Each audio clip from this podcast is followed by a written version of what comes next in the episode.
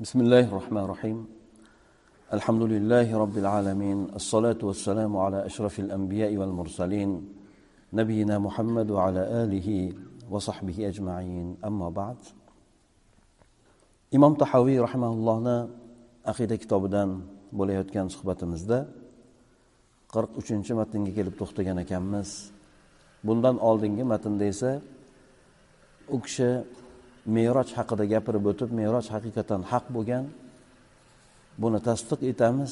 Payg'ambar sallallohu alayhi vasallam o'zlarini muborak jasadlari bilan alloh taoloni huzuriga ko'tarilganligi hamda u yerda osmonlarda chiqishlikda esa payg'ambarlar bilan ko'rishganligini qaytishda esa baytil maqdisda payg'ambarlar bilan birgalikda masjidil aqsoda namoz o'qiganligini aytib o'tgan edik undan keyin esa imom tahaviy rahmaulloh payg'ambar sollallohu alayhi vasallamni hovuzlari haqida aytib o'tadilar.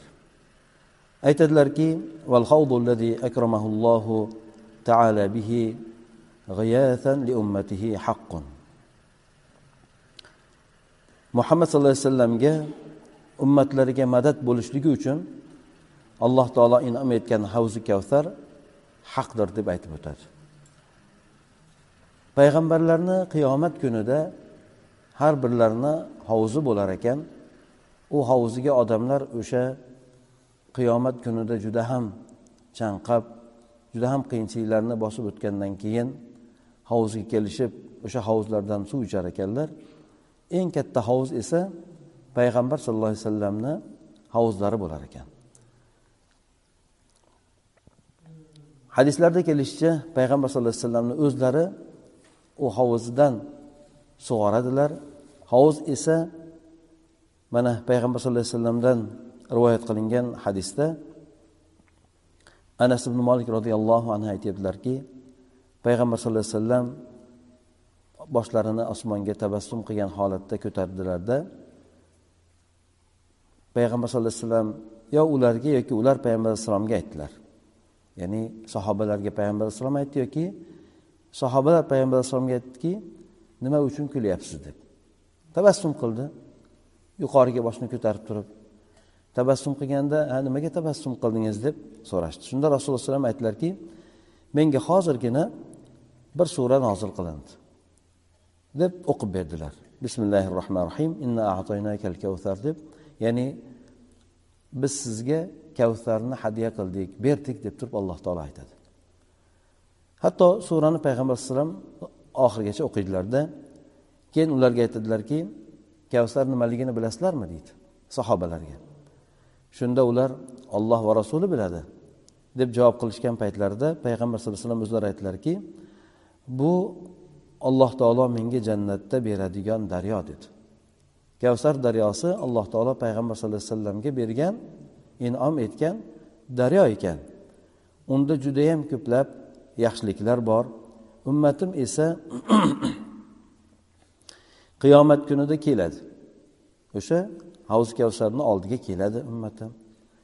Uni idishlari esa yulduzlarni adadicha bo'ladi.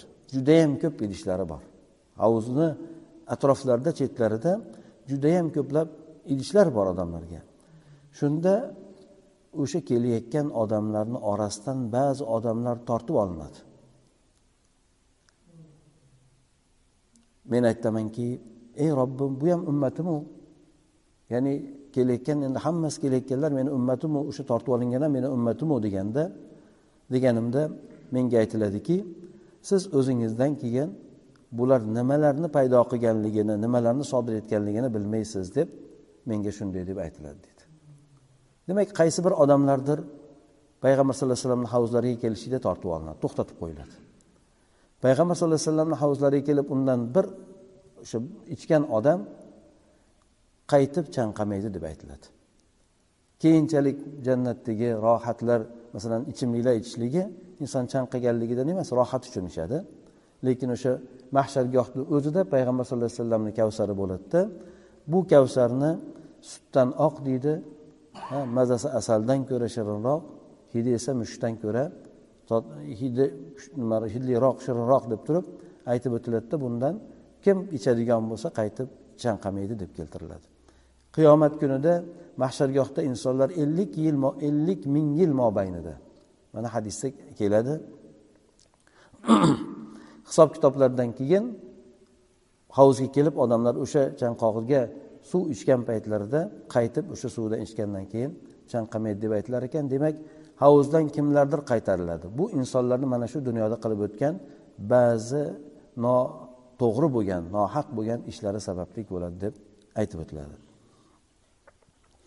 Demak biz payg'ambar sallallohu alayhi vasallamni havuzlari haq ekanligiga iymon keltiramiz. Chunki bu to'g'risida kelgan hadislar mutavotir darajasigacha yetgan. Payg'ambar sallallohu alayhi vasallamni havzi borligi to'g'risida undan ummati payg'ambar sallallohu alayhi vasallamni ichadi ichgandan keyin qaytib chanqamaydi o'sha suvni ichgandan keyin. Demak payg'ambar sallallohu alayhi vasallamni qiyomat kunida havzi bor deb bu kishi bayon qilib o'tyapti.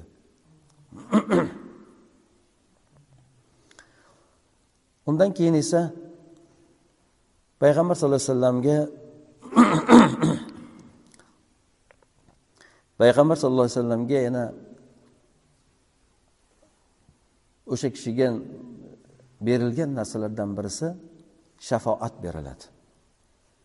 Shafoat bu payg'ambar sallallohu alayhi vasallam alloh taolodan ba'zi o'rinlarda so'rab bir narsalarni ado etishligini talab qilishligidir. Birinchi bu kishiga beriladigan eng katta shafoat shafoat haq. Ahli sunna olimlari shafoatni haq deb biladi. Shafoatni bir necha turlari bor. Bulardan eng kattasi mahshargohdagi bo'lgan. Payg'ambar sallallohu alayhi vasallamni alloh taolo o'sha hisob kitobni boshlashligi uchun kelib so'raydigan o'sha shafoati bu payg'ambar sallallohu alayhi vasallamga beriladigan eng katta shafoat bo'ladi. Bu borasida esa odamlar qiyomat kuni quyoshni tig'ini ostida quyosh bir mil masofada juda yam yaqin qilib qo'yiladi bandalarga. Bandalar amallariga yarasha terga botishadi. Kimdir to'pig'igacha kimdir tizzasigacha kimdir beligacha kimdir bo'g'zigacha bo'ladi kimnidir ter qilgan yomon amallari sababli butunlay qoplab oladi. Ana o'shanday juda ham qiyin bo'ladi. Insonlar hisob kitobni kutib turib juda ham qiynalishadi. Ana o'shanday bo'lgan paytda bir toifa odamlar payg'ambarlarni oldiga borishadi. Odam alayhissalomni oldiga nuh alayhissalomni ibrohim alayhissalom muso iso alayhissalomlarni huzuriga borishadi.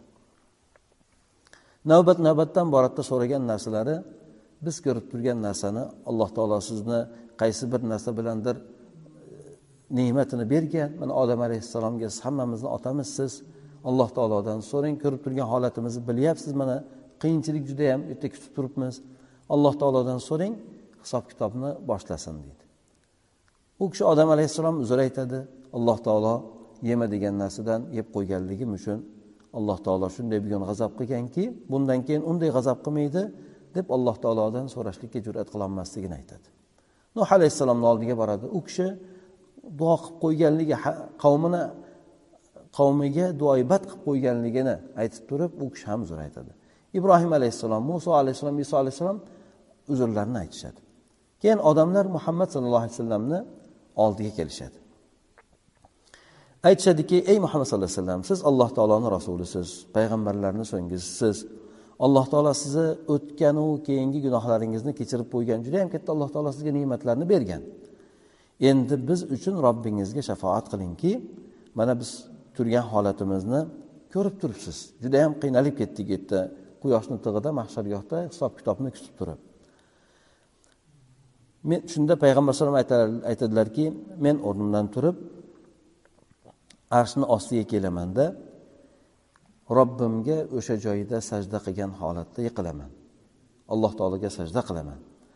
So'ng alloh taolo menga bir duolarni bir so'raydigan narsalarni ochib beradi. Judayam bir ilhom kelib bir alloh taolodan so'rayman.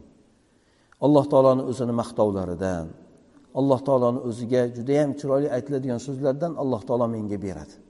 O'sha so'zlarni aytib turib men alloh taolodan so'rayman. U so'zlarni alloh taolo mendan oldin birontaga bermagan. Shunday alloh taoloni haligi e, ijobat qiladigan darajada ba'zan inson alloh taologa duo qiladi. Shunday bir so'zlarni aytib duo qiladiki alloh taolo hayo qiladi u bandani quruq qaytargani. O'shandek payg'ambar sallallohu alayhi vasallam alloh taoloni qaytarmaydigan suratida so'zlarni aytib turib bu narsani esa alloh taoloni o'zi beradi u kishiga. Oldin birontaga bermagan maqtovlarni payg'ambar sallallohu alayhi vasallam tiliga joriy qiladi. Payg'ambar sallallohu alayhi vasallam so'ragandan keyin alloh taolo aytadiki ey muhammad boshingizni ko'taring. Turing. Nima so'rasangiz berilasiz. Qanday shafoat qilayotgan bo'lsangiz shafoatingiz qabul qilinadi deydi shunda men aytamanki deydi ey robbim ummatim ummatim ya'ni ummatimni kechirgin ummatimni gunohlarini kechirgin deb payg'ambar sallallohu alayhi vasallam ummatini g'amini qilib alloh taolodan ummat haqida so'raydi. Alloh taolo aytadiki ummatingizdan o'ng tom jannatni o'ng tomondan eshigidan yetmish mingtasini ya'ni hisob kitobsiz bo'lganlarini o'ng tomondagi jannatni o'ng tomonda eshigidan kirgizing deb aytib o'tiladi deydi so'ng yana payg'ambar sallallohu alayhi vasallam aytadilarki hadis uzun davom ettirib ya'ni alloh taolo u kishini shafoatini qabul qiladi. Ham hisob kitob uchun ham keladi. Payg'ambar sallallohu alayhi vasallam aytadilarki jonim qo'lda bo'lgan zotga qasamki ya'ni alloh taologa qasamki jannatni eshiklarini kesaklarini orasi kesakini bilasizlar. Eshikni ikki chetidagi bo'lgan o'sha ushlab turadigan narsasi endi bizda yog'ochdan bo'ladi u narsa temirdan bo'ladi. O'sha ikkita kesakisini orasidagi bo'lgan masofa makka bilan hajarni o'rtasidagi masofacha. Yoki bo'lmasa makka bilan busroni orasidagi bo'lgancha masofada turadi. Taxminan ming kilometr. Ikkalasini orasidagi bo'lgan masofa taxminan ming kilometr deb aytishadi. Bir oylik masofa. O'sha orasida kiradi. Odamlar bir kun keladiki o'shandek bo'lgan jannatni eshiklari ko'p. Sakkizta eshigi bor. Ha? O'sha jannatni bir eshiklaridan birisidan ya'ni shunaqangi katta darajadaki odamlar to'lib kiradi deydi. Jannatga odamlar to'lib kiradi o'shanday bo'lgan katta eshikdan ham. Demak payg'ambar sallallohu alayhi vasallamga berilgan shafoat turlari ko'p. Bu kishini alloh taolo bu ne'mat bilan xoslaydi. Birinchisi payg'ambar sallallohu alayhi vasallam o'sha odamlar juda yam qiynalib ketgan paytda alloh taolodan hisob kitobni boshlashligi uchun alloh taolodan so'ragan paytda alloh taolo ijobat qilib farishtalarni hamrohligida alloh taolo kelib bandalarni yakkama yakka hisob kitob qiladi. Ya'ni bu esa alohida oxirat to'g'risidagi bo'lgan e, voqealar voqealar deyayotganda unda ko'p voqealar bo'lib o'tadi.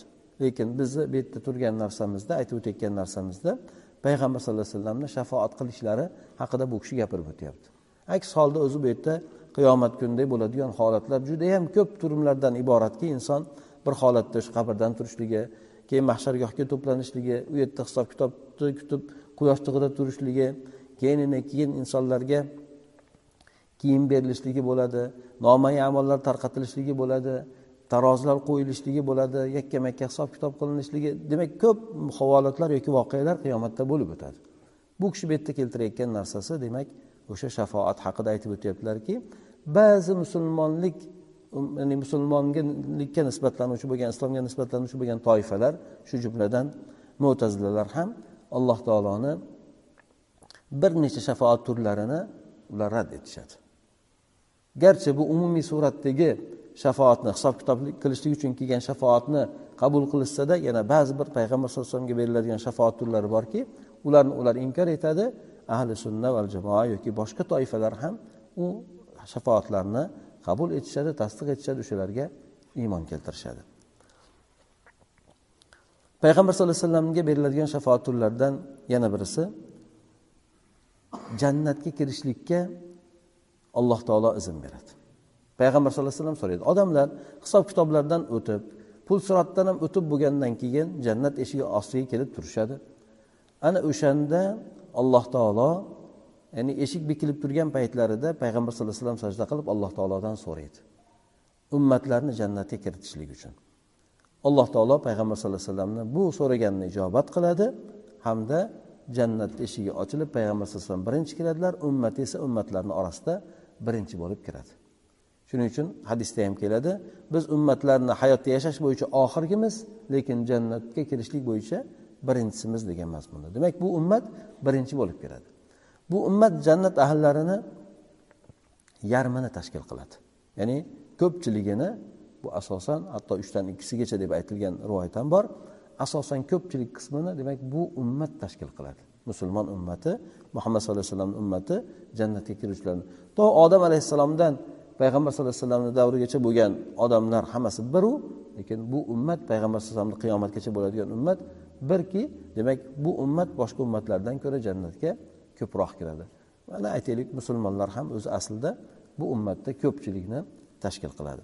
Oldin payg'ambarlar bo'lgan ular bilan birgalikda ba'zan yolg'iz o'zi turgan ba'zan bitta ikkita odam birga turgan iymon keltirganlar qiyomatda shunday turishadi.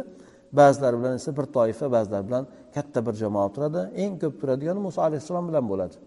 Ana undan keyin esa hammadan ko'ra ko'proq bo'lgani bu muhammad sallallohu alayhi vasallamni ummatlari bo'ladi.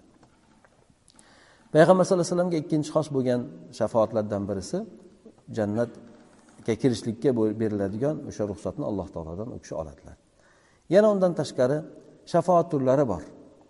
Payg'ambar sallallohu alayhi vasallamni o'ziga xos bo'lgan shafoat turidan birisi amakilari abu tolibga u kishini endi mushrik holatda vafot etgan lekin alloh taolodan so'raganligi uchun alloh taolo u kishini azobini yengillatganligini aytib o'tadi. Amakilari abbos ibn abdul muttolib roziyallohu anhu ya'ni bu kishi amakilari shunday vafot etgandan keyin payg'ambar alayhisalomni amakilari abu tolib vafot etgandan keyin amakingga sen nima qila olading deb payg'ambar alayhisalomdan so'ragan paytlarida agar men bo'lmaganda bu kishi do'zaxni tubiga qarab judayam azob qattiq bo'lgan joyga qarab ketgan bo'lardi. Alloh taolodan payg'ambar alayhisalom so'raganligi uchun azobini yengillatadi. Lekin bu azob ham ya'ni oyog'i o'tda turadida to'pig'igacha o'tda bo'ladida undan miyasi qaynab turadi deydi. Bu o'sha do'zaxlarga beriladigan yengil azob bu endi. Boshqalar esa quruq aytaylik hamma tomondan o't qoplagan holatda jannat jahannamni tubigacha tushib ketadi. Yana qiyomatda bo'ladigan shafoat turlari borki bular noma e, shu amallari teng bo'lib qolgan odamlar.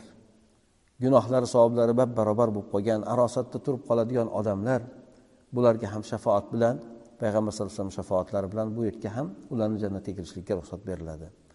Yana undan tashqari payg'ambar sallallohu alayhi vasallam ba'zi odamlarni shafoatiga olishlikka va'da qilgan.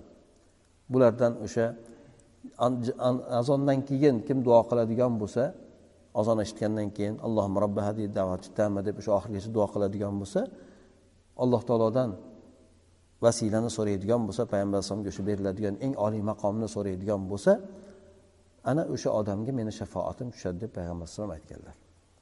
Yana shuningdek madinada vafot etgan odamlarga ham payg'ambar alayhisalomni va'dasi bor. U odamlar ham meni shafaatimga tushadi deb aytganlar. Umumiy shafoatlar bor.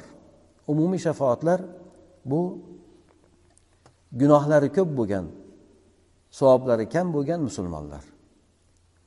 Bular taroziga tarozi pallasiga amallari qo'yilgandan keyin savoblaridan ko'ra gunohlari ko'proq bo'lgan. Unday bo'lgandan keyin insonni do'zaxga hukm qilinadi. Gunohlari ko'p bo'lganligi sababli muaqqat ya'ni o'sha gunohlariga yarasha jazo olishligi uchun ularni do'zaxga hukm qilinadi. Ana o'sha o'rinda judayam ko'plab shafoatlar bo'ladi.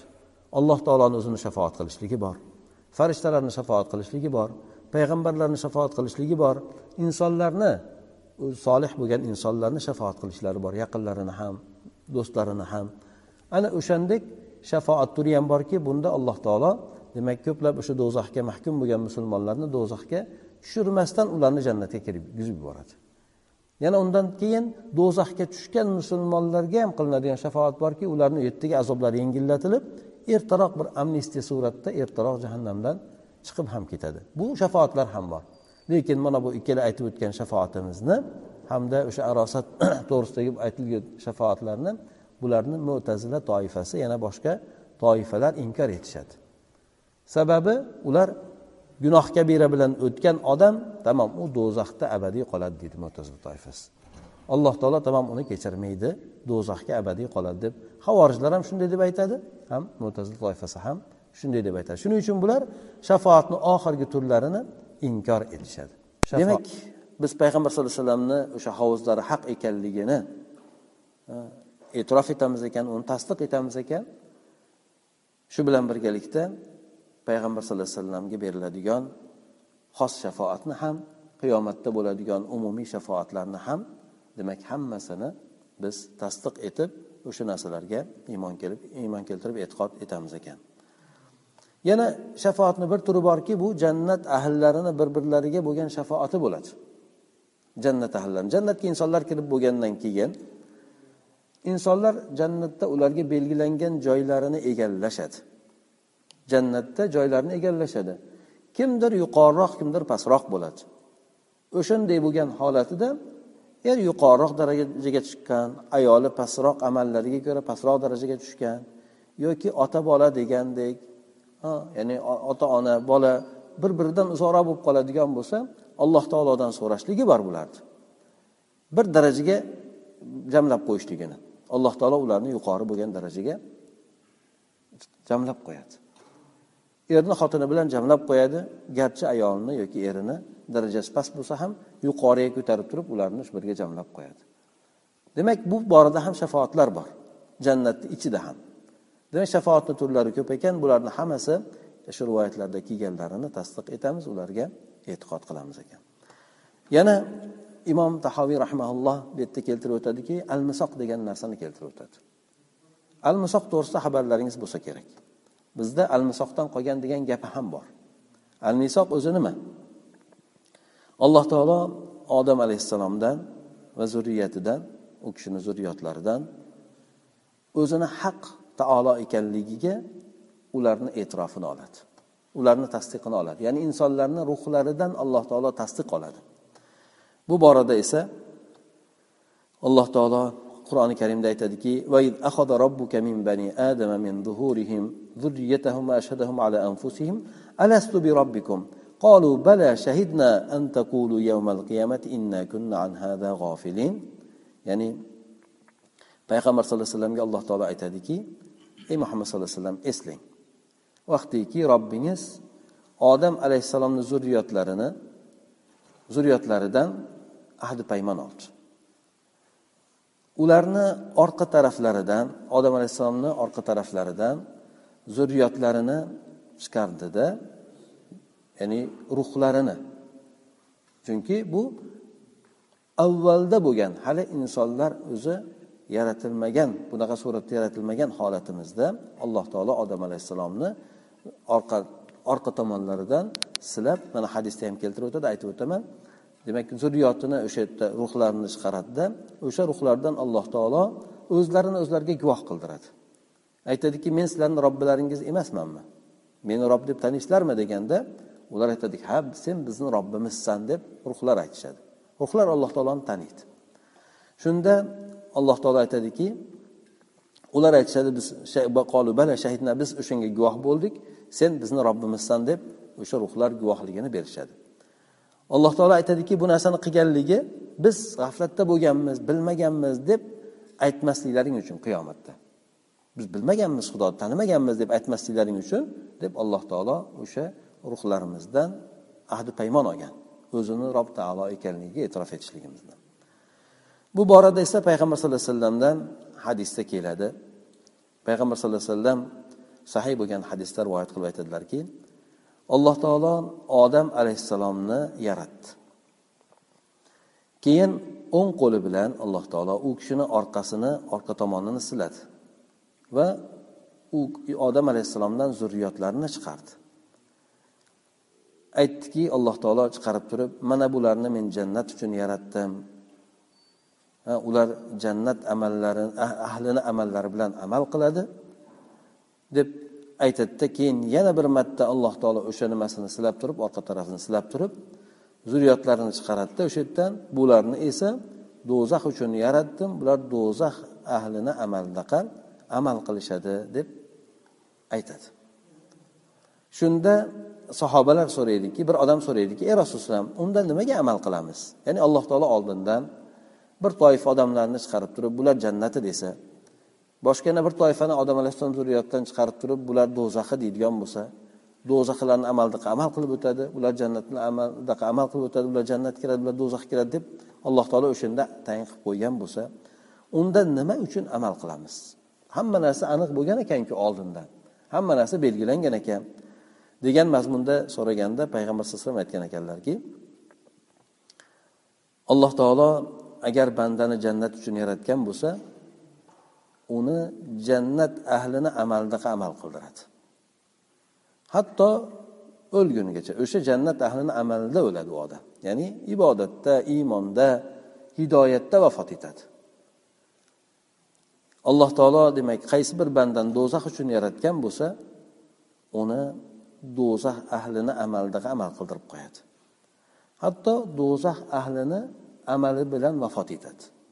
Kufrni ustida shirk ustida do'zaxga abadiy qoladigan odam munofiqlik ustida shunaqa narsalarni ustida alloh taolo uni vafot ettiradida keyin esa uni do'zaxga tashlaydi deb aytib o'tgan. Demak bu taqdir masalasiga aloqador bo'lgan masalalardan birisi. Alloh taolo jannatni yaratdi jannatga odamlarni ham qo'shib yaratdi. Do'zaxni yaratdi do'zaxga ham odamlarni qo'shib yaratdi. Inson oldindan bilmaydi. Alloh taolo qaysi bir toifadan ekanligini jannatlar toifasidanmi yoki do'zaxlar toifasidanmi? Amallar esa xotimaga qarab bo'ladi. Alloh taolo bizni shu dunyoda qilayotgan amallarimizga ko'ra hisob kitob qiladi. Inson e'tiroz bildirishlikka haqqi bo'lmaydi. Meni jannat ahllaridan qilganligi uchun jannatga kirgizding yoki bo'lmasa meni avval do'zax ahlidan qilib qo'ygan ekansan shuning uchun men undan chiqolmadim o'shandan qutulolmadim do'zaxga tushdim deb inson e'tiroz bildirolmaydi sababi u narsa bizga qorong'u alloh taoloni o'zi biladigan narsa. Bizdan esa talab qilinadigan narsa olloh so'raydigan narsa nima uchun bunday qilding nima uchun bunday qilmading? Bu narsada aytib o'tdik insonda to'liq ixtiyor bor. Ibodatga kirishlikda ham ibodatga kirmaslikda ham alloh taoloni o'zi demak adolat borasida aytib o'tdik hammaga bayon qilgan payg'ambarlarni yubordi kitoblarni nozil qildi kimlargadir marhamat ko'rsatib alloh taoloni o'zini eshitdi shuning uchun alloh taolo hozirgi paytimizda alloh taolo bizga to'liq ixtiyorni berdi. Dinda mahkam qolishlik yoki dinni tashlab boshqa narsani ixtiyor qilishlik bu insonni o'zini ixtiyori shuning uchun alloh taolo o'sha ixtiyor bo'yicha insonni hisob kitob qiladi. Lekin alloh taolodan doim so'rash kerak inson. Parvardigori olam o'zing adashtirmagin. Parvardigori olam hidoyatda barqaror qilgin mustahkam qilgin deb turib sababi inson bilmaydi oqibati nima bo'lishligini. Mana undan keyin qirq oltinchi matnda ham aytib o'tadi bu kishi. Ya'ni alloh taolo jannatga kiradigan odamlarni adadini bilgan. Qancha odam jannatga kirishligiyu qancha odam do'zaxga kirishligini azaldan alloh taolo bilgan. Bu sanoq o'zgarmaydi. Bu son ko'payib qolmaydi yoki kamayib qolmaydi. Demak bu alloh taoloni ilmiga aloqador bo'lgan narsa. Alloh taoloni ilmi o'zgarmaydi. Alloh taolo bir narsani biladigan bo'lsa uni haqiqatida biladi. Uni keyinchalik bir narsa sodir bo'lishligi bilan u kamayib yoki ko'payib ko'payib qolmaydi. Demak alloh taolo oldin jannat ahllari uchun odamlarni yaratdi jannat uchun do'zax uchun odamlarni ham yaratdi ularni sanog'ini ham biladi o'sha sanog'i o'sha sanoq bo'yicha qoladi. O'sha odamlar jannatga tushadi o'sha odamlar e, do'zax uchun yaratilganlari do'zaxga tushadi. Alloh taolo umumiy suratda bilgan demak bu narsa sanog'i oshmaydi ham kamaymaydi ham. Shuningdek insonlarni amallarini ham alloh taolo biladi. Avvaldan bilgan biz qachon dunyoga kelamiz nima ishlarni qilib o'tamiz qanday oqibatga qarab yuramiz? Buni ham alloh taolo avvaldan bizni yaratishlikdan oldin bilgan. Demak palonchi banda palon zamonda dunyoga keladida bu odam mana bunaqangi ishlarni qiladi mana bunga intiladi oxir oqibat yaxshilik bilan xotimasi topadi xotima topadi. Lekin o'sha zamonda palonchi borda u palondaqa amallarni qiladida demak u odam yomon oqibat bilan oqibat topadi. Buni alloh taolo avvaldan bizni bugunda qiladigan yoki kelajakda qiladigan amallarimizni alloh taolo avvaldan bilgan bu alloh taologa judayam oson narsa. Demak o'shanga ko'ra alloh taolo bizni demak oqibatimizni tayin qilib qo'ygan. Bu banda jannatga kiradimi? Jannat ahllarini amali bilan jannatga kiradimi? Yoki bu banda do'zax ahlarini amaldaga amal qilib do'zaxga kiradimi? Oldindan demak alloh taolo bizni amalimizni bilgani kabi qanday nima ish qilishligimizni shuningdek alloh taolo oqibatimizni ham biladi. O'sha narsani demak alloh taolo bitib qo'ygan. O'sha adad jannatga kiradigan odamlarni adadi keyinchalik o'zgarib qolmaydi. Chunki alloh taolo ilmi bilan bilgan narsasi bu yangilik bo'lmaydi bir narsa ya'ni e, ya'ni aytib qolish oriziy bir narsa sodir bo'lmaydi. Tasodifiy bir narsa sodir bo'lmaydi. Hammasi alloh taologa oldindan ma'lum bo'lganligi uchun bu kishi ham aytib o'tyaptiki alloh taolo qancha insonni jannatga hukm qilgan bo'lsa avvaldan bu albatta insonlarni qiladigan amallari sababli bo'ladi. Alloh taolo amallarini biladi. Nima oqibat bilan tugashligini ham avvaldan biladi. Demak bular jannati bo'ldi. Bular do'zaxi bo'ldi. Sanog'i ham o'sha o'sha. Oldindan alloh taolo bilganchalik u o'zgarib qolmaydi. Shuning uchun alloh taolodan inson so'rash kerak. Doim parvardigori olam bizni hidoyatda iymonda ibodatda barqaror qilgin deb alloh taologa doim ehtiyojimiz bo'ladi. Hattoki suvdagi suv ovqatlarga taomlarga bo'lgan ehtiyojimizdan ko'ra ko'proq u narsaga biz qattiqroq muhtojmiz. Sababi ovqatimiz suvimiz boshqamiz dunyomiz uchun kerak lekin hidoyat iymon ibodat bu narsalar esa oxiratimiz uchun ham kerakdir. Oyatda ham alloh taolo aytadi innalloha bikulli shayin alim. Demak alloh taolo hamma narsani biladi. Alloh taoloni bilmaydigan narsasi yo'q bilmini chegarasi yo'q. Undan keyingi matnda imom tahoviy aytib o'tadilarki bo'lmasa insonlar nima qiladi? desa kullun muyassarun lima inson nima uchun yaralgan bo'lsa o'shanga muyassar qilinadi. Avvaldan alloh taolo o'sha insonni jannat uchun taqdir etgan bo'lsa bu narsa aytib o'tdik insonni dunyoga kelib qiladigan amallar alloh taologa aniq suratda to'liq suratda ma'lum bo'lgandan keyin alloh taolo uni jannatga hukm qilgan va inson nima narsaga qarab oqibati bo'ladigan bo'lsa o'sha narsaga muyassar qilinadi. Jannat ahllari jannat ahllarini amaldaqa qilishlikka muyassar qilinadi. U odamga yengillatib qo'yiladi. Ibodat ham iymon ham. Mana aytaylik bizni qalbimizda namoz o'qishlikka bo'lgan ishtiyoqmi? Bu narsada biz og'irlikni sezmaymiz. Yengil biz uchun. Lekin kimlardir va kimlar uchundir ikki rakat namoz o'qishlik judayam og'ir narsa. Qur'onda alloh taolo aytadiki va innaha lakabiratun illa alal deydi. Namoz og'ir narsa. Odamlar shuning uchun o'qiyolmaydi yillab yuradi. Endi o'qiyman endi o'qiyman deb turib. Namoz yengil emas. Lekin ollohdan qo'rqadigan kimsalarga oxiratdan umidi bo'lgan kimsalarga bu narsa oson. Biz namoz o'qishlikda og'irlik sezmaymiz.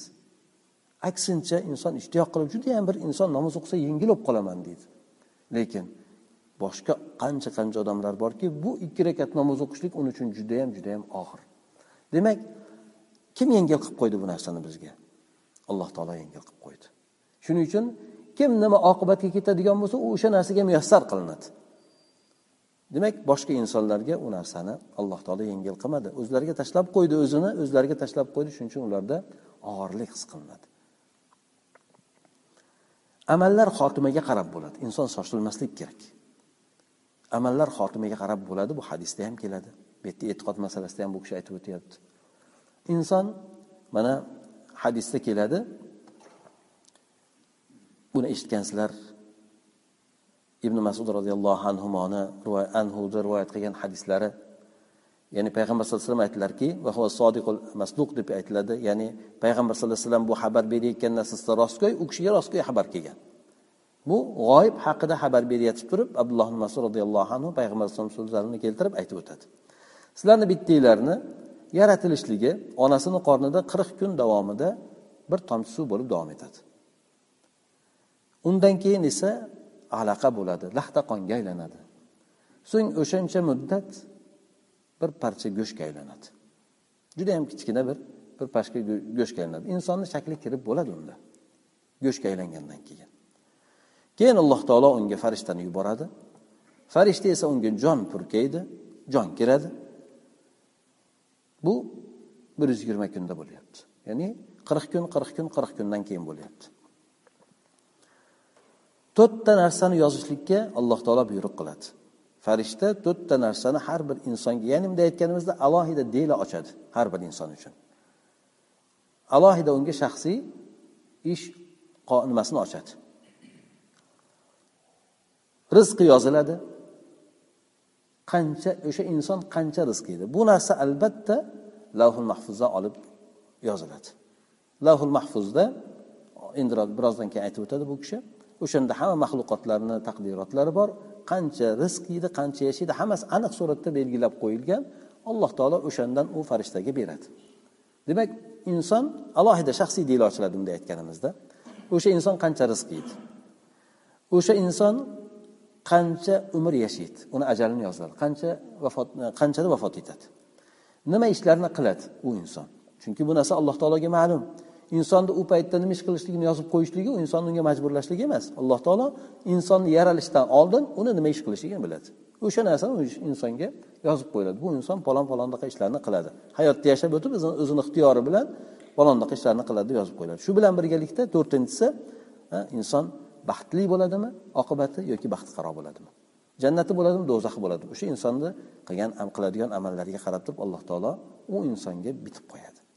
Shuni farishta har bir insonni bachadonda turgan paytida yozib qo'yadi. Inson demak o'sha unga shaxsiy bo'lgan o'sha dela yoki ish ochiladi. Keyin payg'ambar alayhisalom aytdilarki biz aytmoqchi bo'lgan bu mavzuyimizga hozir aytib o'tayotgan amallar xotimasiga qarab bo'ladi deganimizga bog'liq bo'lgan o'rni endi keladiki payg'ambar sallallohu alayhi vasallam aytdilar demak yagona bo'lgan alloh taologa qasamki sizlarni bittalaringiz jannat ahlini amaldaqa amal qilib o'tadi. Jannat ahllarini amaldaqa amal qilib o'tadida lekin u bilan jannat o'rtasida bir ziro qolgan paytida bir bahya qolgan paytda bir muddat qolgan paytida unga o'sha avvalda yozilgan kitobat qilingan taqdiri o'sib ketib turib bu odam do'zax ahlini amaldaqa amal qiladida shu bilan do'zaxga kirib ketadi dedi. Demak inson qo'rqish kerak oqibatiga. Inson bilmaydi. Masalan o'sha alloh taolo bergan fazli marhamat ollohni haqqi. Banda u narsaga bir ishlab boshqa qilib olgani yo'q. Uni alloh taolo o'zi fazli marhamat qilib berdi. Qaysi o'rinda inson noloyiq bo'lib qolsa alloh taolo uni olib qo'yishga ham qodir. O'sha fazli marhamatni hidoyatni ibodatni olib qo'yishga ham qodir. Demak inson qaysi bir amalidir? Sabablik. Ibodatdan to'xtaydi. Bor har xil fikr bilan to'xtashi mumkin. Hozir namoz farz emas deb to'xtashi mumkin. Demak alloh taolo undan o'sha narsani olib qo'ydi. Bergan fazli marhamatni olib qo'ydi. U inson o'zi bilmaydi. Alloh taolodan o'zini o'zi uzoq qilib oldi. Demak inson o'ylash kerak oqibat xotima bilan bo'ladi. Shuncha yashab o'tgan bo'lsa lekin xatoliklar kamchiliklar boshqa narsa bo'ladigan bo'lsa umrini oxirida qanday vafot topyapti inson? Kelib inson ibodatlarni hamma narsani orqaga tashlashi mumkin. Arzimagan dunyoga dinini sotishi mumkin. Bu inson oqibati xotimasiga qarab bo'ladi. Demak u odam shunday yashab o'tdi oxiri desa do'zax ahlini amalda amal qildi shu bilan do'zaxga kirib ketdi. Buni muqobilida yana payg'ambar alayhisalom aytadilar sizlarni bittanglar do'zax ahlini amalda amal qiladida lekin unga u bilan o'sha do'zaxga kirishligini orasida bir bahya qolgan paytida bir muddat qolgan paytda o'sha paytda o'lsa kirib ketadi do'zaxga. Lekin umrini oxirlarida alloh taolo unga marhamat qiladi. Avvaldagi kitobat qilingan narsasi taqdiroti o'zib keladida bu odam jannatda ahlidaqa amal qiladida jannatga kirib ketadi dedi. Demak xotima o'sha amallar xotimasiga qarab belgilanadi. Bu narsalarda hammasi aytib o'tdim. Alloh taolo bizni jannatga yoki do'zaxga bandalarni kirishligini bilgani kabi ular nima amal qiladi bu narsani oldindan bilgan alloh taolo. Ana o'shanga ko'ra ularni oqibati tayin qilingan. O'sha oqibatga ko'ra alloh taolo u insonni marhamat qiladi yoki insondan o'sha marhamatini olib o'zini o'ziga tashlab qo'yadi. Shuning uchun alloh taolodan inson doim hidoyatda barqaror qilib turishligini sobit qadam qilib turishligini so'rash kerak. Chunki inson bilmaydi ba'zi odamlarni ko'rasizlar yurib yurib turib oxirida aynib qoladi. Dinini oxiratini arzimagan dunyoga sotib yuboradi. Yo'q emas bunaqa narsalar yoki unaqa kimsalar. Demak baxtli bo'lgan kimsa bu alloh taoloni hukmi bilan baxtli bo'lgan odam baxtli bo'ladi. Baxtsiz bo'lsa alloh taolo avvaldan hukm qilgani sababli baxtsiz bo'lgan ya'ni baxtiqaro bo'lgan do'zax bo'lgan odam bo'ladi. Yana bu kishi qadar to'g'risidagi gapni aytib o'tadi. Demak qadar to'g'risida ba'zi o'rinlarda bo'lib bo'lib keltirgan. Boshqa mavzularda ham bu kishi shunday bo'lib bo'lib mavzuga o'zi yo'naltirgan masalan tartibga ko'ra keltirib o'tadi. Bu yerda aytib o'tadiki qadarni asli alloh taoloni maxluqotlarni ichidagi siri deydi. Bu qirq sakkizinchi matnda aytib o'tadi. Qadarni asli alloh taoloni maxluqotlarni ichiga yashirib qo'ygan siri uni hattoki allohga eng yaqin bo'lgan farishta ham eng afzal bo'lgan payg'ambarlar ham bilmaydi. Hech kim bilmaydi. G'oyibni yoki alloh taoloni taqdirotini belgilab qo'ygan taqdirini hech kimga alloh taolo bildirmagan. Ba'zi o'rinlarda bildirganini bil, bilishgan xolos. Masalan abu bakr jannatda umar jannatda bu jannatda deb payg'ambar alayhisalom aytgan. Yoki bo'lmasa shunga o'xshagan ba'zilarni o'sha e, do'zaxda ekanligini payg'ambar alayhisalom aytganligi bor. Hali vafot etmasdan turib. Demak bu alloh taolo tomonidan bildirilgan narsa bo'yicha. Aslida alloh taolo uni yashirib qo'yganki buni na farishta biladi xohlagan paytda bilishlik imkoniyati yo'q payg'ambarda ham bilishlik imkoniyati yo'q. Umuman bilmaydi faqatgina alloh taoloni o'zi bildirganini biladi xolos. Endi bu to'g'risida inson chuqur ketishligi bo'ladigan bo'lsa endi bu haqiqatdan insonni ya'ni huzlon deb aytiladi arab tilida yordam tashlab qo'yishligi e'tiborsiz tashlab qo'yishligiga olib boradi. Inson bu narsalarda chuqur ketmaslik kerak. Olloh hatto payg'ambarga bildirmagan farishtalarga bildirmagan narsani inson aqli bilan ming harakat qilsa ham uni hech narsasiga yetib borolmaydi alloh taolo tomonidan yaxshiliklardan mahrum bo'lishligi bo'ladi. Bu haddan oshishlik darajasi bo'lib ketadi. Shuning uchun inson bu borada ya'ni qadarni ichiga kirib ketishlik borasida qarashda ham fikr qilishda ham vasvasa jihatdan ham demak judayam inson ehtiyot bo'lishi kerak.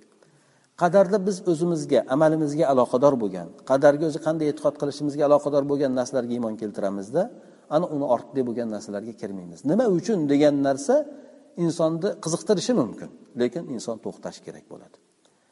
Chunki bu narsada alloh taologa e'tiroz bildirishlik alloh taoloni taqdirotiga bu narsa insonda o'shanga qarshi chiqishlik degan narsalar bo'ladi. Nima uchun bunday qilib qo'ydi? Nima uchun buni bunaqa qilib beradi nima uchun buni bunga bunaqa narsani berdi? U ollohni ishi ollohni xohlagani xohlagan narsasini qiladi. U narsalarni bizga bildirgani bor bildirmay qo'yganlari shuncha shuning uchun bildirmay qo'yganlarni inson axtarib yotadigan bo'lsa ham baribir tushunmaydi. Faqatgina o'zini zalolatga olib kirib oladi xolos. Shuning uchun alloh taolo qilayotgan ishi haqida so'ralmaydi. La yusalu amma yafal va hum yusalun. Olloh qilgan ish haqida so'ralmaydi. Nima uchun palonchini piston paytda kofir oilada dunyoga keltirdi? Masalan inson aytishi mumkin. Parvardigor olam meni kofir oilada dunyoga keltirgan ekansan shuning uchun kofir bo'ldim. deb. Bu uzr o'tmaydi. Nimaga? Sababi inson kofir oilada ming dunyoga kelgan taqdirda ham uning uchun imkoniyat bor. Bilishlik o'rganishlik masalan eshitishlik imkoniyatlar bor. Inson bu narsalardan yuz o'giradigan bo'lsa tamom u narsalarni insonni qarshisiga hujjat qo'yiladida uni do'zaxga mahkum qilinadi. Haqiqatdan din yetib kelgan bo'lsa. Nima uchun parvardigor olam bizni bu zamonda yaratding alloh xohlagan zamonda yaratadi odamni. Nima uchun bizni islom judayam haligi kuchli bo'lgan judayam haligi islomga amal qilishlik bo'lgan zamonda yaratmading u ollohni ishi. Kimni qaysi paytda yaratishlik kimni qaysi oilada yaratishlik qanaqa shaklda qanaqa ko'rinishda qanaqa millat yaratishlik bu alloh taoloni o'zini ishi bu haqida alloh taolo hisob kitob bermaydi. Bu narsalar haqida inson so'rab surishtirmoqchi bo'ladigan bo'lsa aytganimizdek ko'p yaxshi bo'lgan narsalardan mahrum bo'ladi o'zini zalolatga tiqib oladi.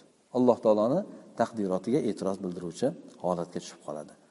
Demak inson o'zi aslida bunaqa so'raveradigan bo'lsa bundan qaytarilgan bunda inson mahkam turib oladigan bo'lsa hattoki qur'onni hukmini ham rad etgan odam bo'ladi. Bunda insonni kufrdan kofir bo'lishdan qo'rqilishligi ham mumkin. Aytib o'tdik oyatda olloh so'ralmaydi qilgan ishidan. Chunki u zot hammani yaratgan hammani ustidan hukmron bo'lgan zot. Nima qilsa mulkida xohlaganini qiladi. Lekin hech kimga zulm qilmaydi. Hech kimga zulm qilmaydi. Hatto eng katta kofir bo'lgan o'sha fir'avn bo'lsa ham fir'avnga ham alloh taolo zarracha zulm qilmaydi. Lekin u o'ziga o'zi zulm qilib oldi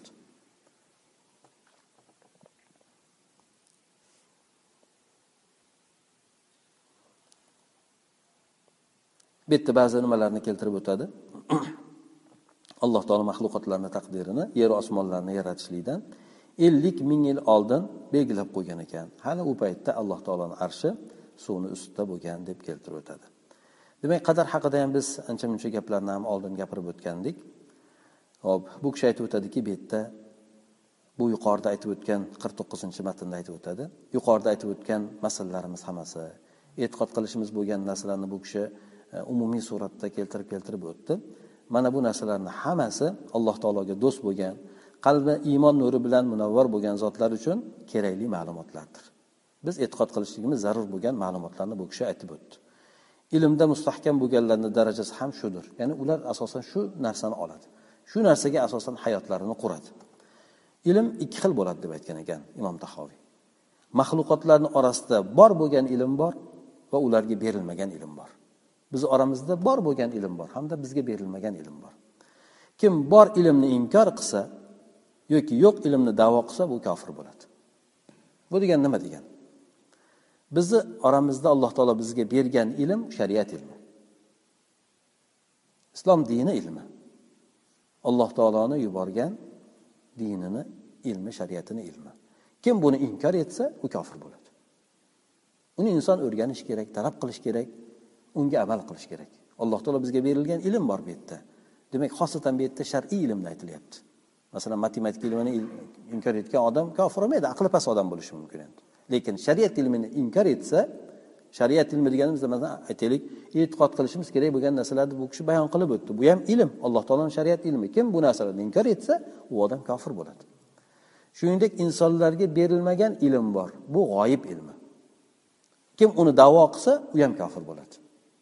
Kimki ertaga falon narsa bo'ladi desa kelajakni aytib beruvchilar borku o'zini kelajakni bilamiz deb turib. Ha bular davo qiladigan bo'lsa kofir bo'ladi. Chunki nimaga? Alloh taolo kelajak ilmini hech kimga bermadi. Payg'ambar aytgan bo'lsa sallallohu alayhi vasallam yoki boshqa payg'ambarlar alloh taoloni bildirgani bilan aytgan.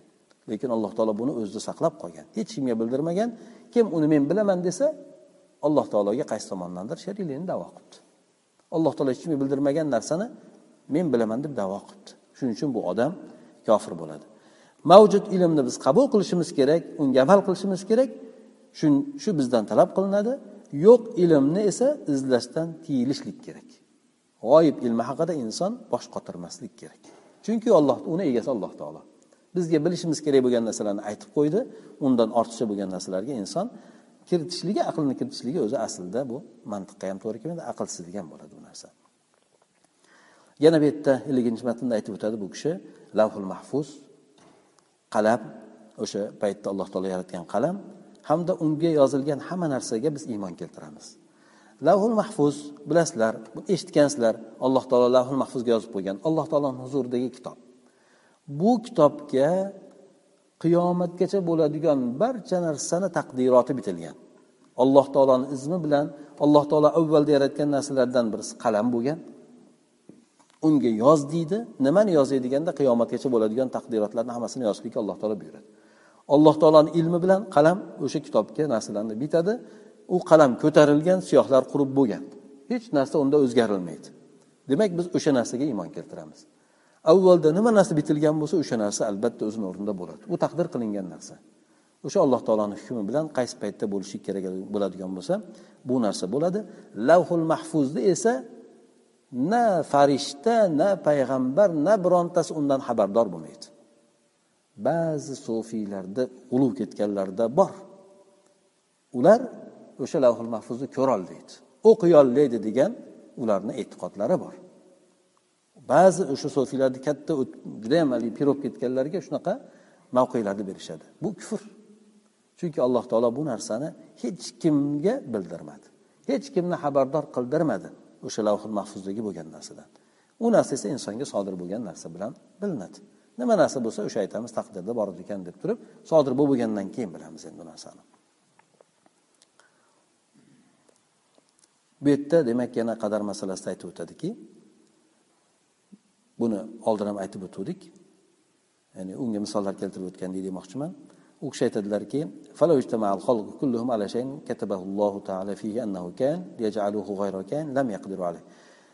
lavhul mahfuzda alloh taolo nima narsani bo'ladi deb yozib qo'ygan bo'lsa bo'ladi deb yozib qo'ygan bo'lsa butun yer yuzini hammasi jamlanib turib uni bo'ldirmaslikka harakat qilsa ham qodir bo'lolmaydi. Alloh taolo bo'lmaydi deb yozib qo'ygan narsa bo'lsa lavhul mahfuzda u narsani butun yer yuzi hammasi insoniyu jinniyu kim bo'lishidan qat'iy nazar. Hammasi jamlanib turib o'sha narsani bo'ldiramiz desa bo'ldirolmaydi. Oddiy misol insonga alloh taolo agar kasallik bergan bo'lsa unga davosini bermagan bo'lsa har qanaqangi narsa qilingan taqdirda ham uni davolab bo'lmaydi. Xuddi shuningdek o'lim ham. Alloh taolo bergan o'limni agar taqdir qilmagan bo'lsa inson qutulib qoladi. Nafaqat inson balki hayvonlar ham qutulib qoladi. Ba'zan ko'rasizlar sherni og'zidan bitta hayvon turib qochib ketadi. Unga hali o'lim taqdir qilinmaganda. Inson kutmagan tomondan inson yashab qoladi. Bir qancha qancha muddatlar chaqaloq bo'ladi. Shu bomba ostida nimasida qolib ketgan bir necha kun yashagan bosh qo'ygan o'lmay qolgan oxiri chiqarishib olgan boshqa insonlar chiqarolmagan o'sha bitta kichkina chaqaloq qanaqadir bir ovoz bilan xullas kalam alloh taolo tadbirini qilib qo'yadida insonlar o'sha jon o'lishi yashashi taqdir qilingan o'limi taqdir qilinmagan bo'lsa chiqarib turib demak hech kim haligi o'ldirolmaydi. Hatto alloh taolo demak belgilagan muddatdan birov ziyoda ham qilolmaydi oldinga ham surolmaydi keyinga ham surolmaydi. Bu hamma narsada. Alloh taolo demak nima narsani oldinda belgilab qo'ygan bo'lsa bo'ladi degan bo'lsa uni insonlar man qilolmaydi yoki bo'lmaydi deb qo'ygan bo'lsa alloh uni insonlar bo'ldirib ololmaydi. Bu narsaga ham demak biz e'tiqod qilishimiz kerak. O'shani belgilagan yozgan qalam ko'tarilgan siyoh qurigan. Bu degani u o'zgarish bo'lmaydi degan. Chunki alloh taoloni ilmida o'zgarish degan narsa bo'lmaydi. Olloh uchun tasodif degan narsani o'zi bo'lmaydi. Yangilik bo'lgan ey to'xtanglar biz insonda bo'ladi. Bir ish chiqib tursangiz boshqa fikr kelib qoladi hayolingizga. Undan yaxshiroq bo'lishi mumkin. Uni darrov to'xtatib turib boshqacha qilib turib o'sha o'ylagan fikringiz bo'yicha davom ettirasiz. Yo'q allohda unaqa narsa yo'q.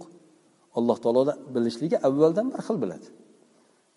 Ya'ni yangilik bo'lgan tasodif bo'lgan narsalar alloh taologa nisbatan bo'lmaydi.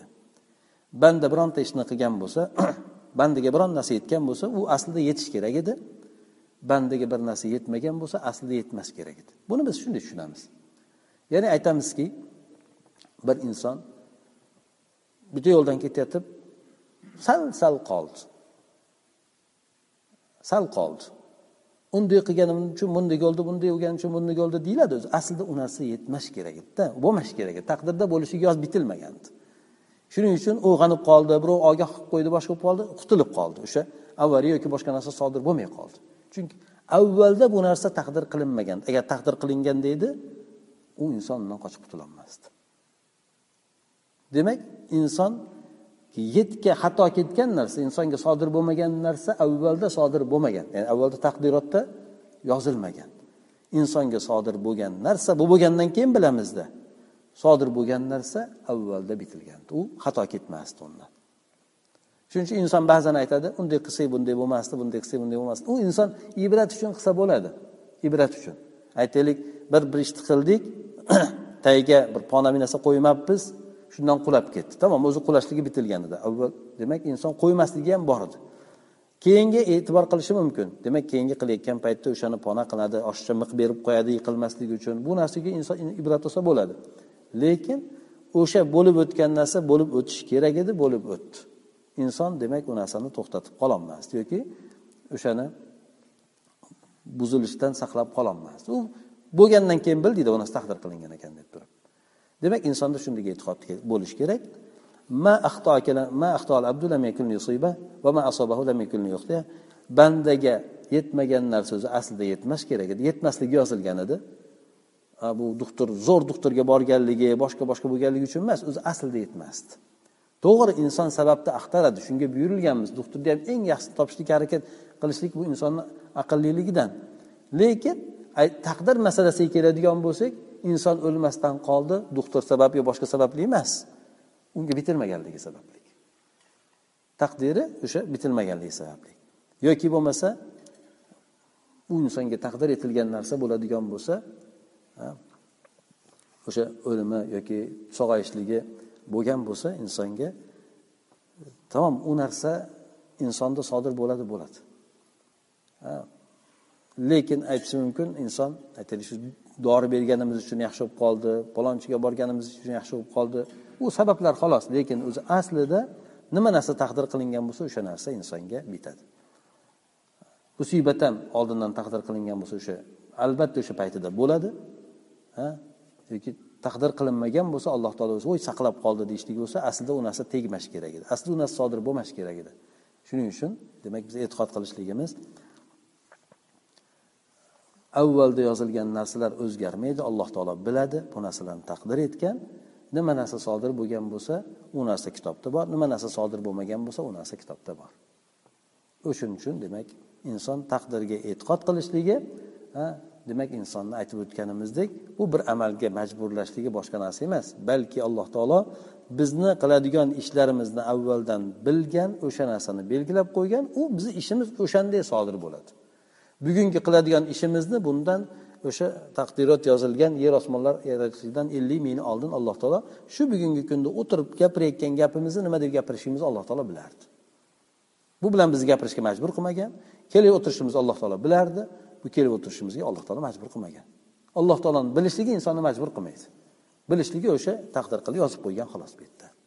Demak e, bugungi suhbatimizga bo'lar shu narsa. Yana ertadan o'sha ba'zi qadarga aloqador bo'lgan narsalarni aytib o'tadi keyin keyin boshqa mavzularga ham keyin kiradi. Subhanakallohumma va bihamdik. Nashhadu an la ilaha illa anta nastaghfiruka va natubu ilayk. Allohumma anfa'na bima 'allamtana va 'allimna ma yanfa'una. Va zidna ilma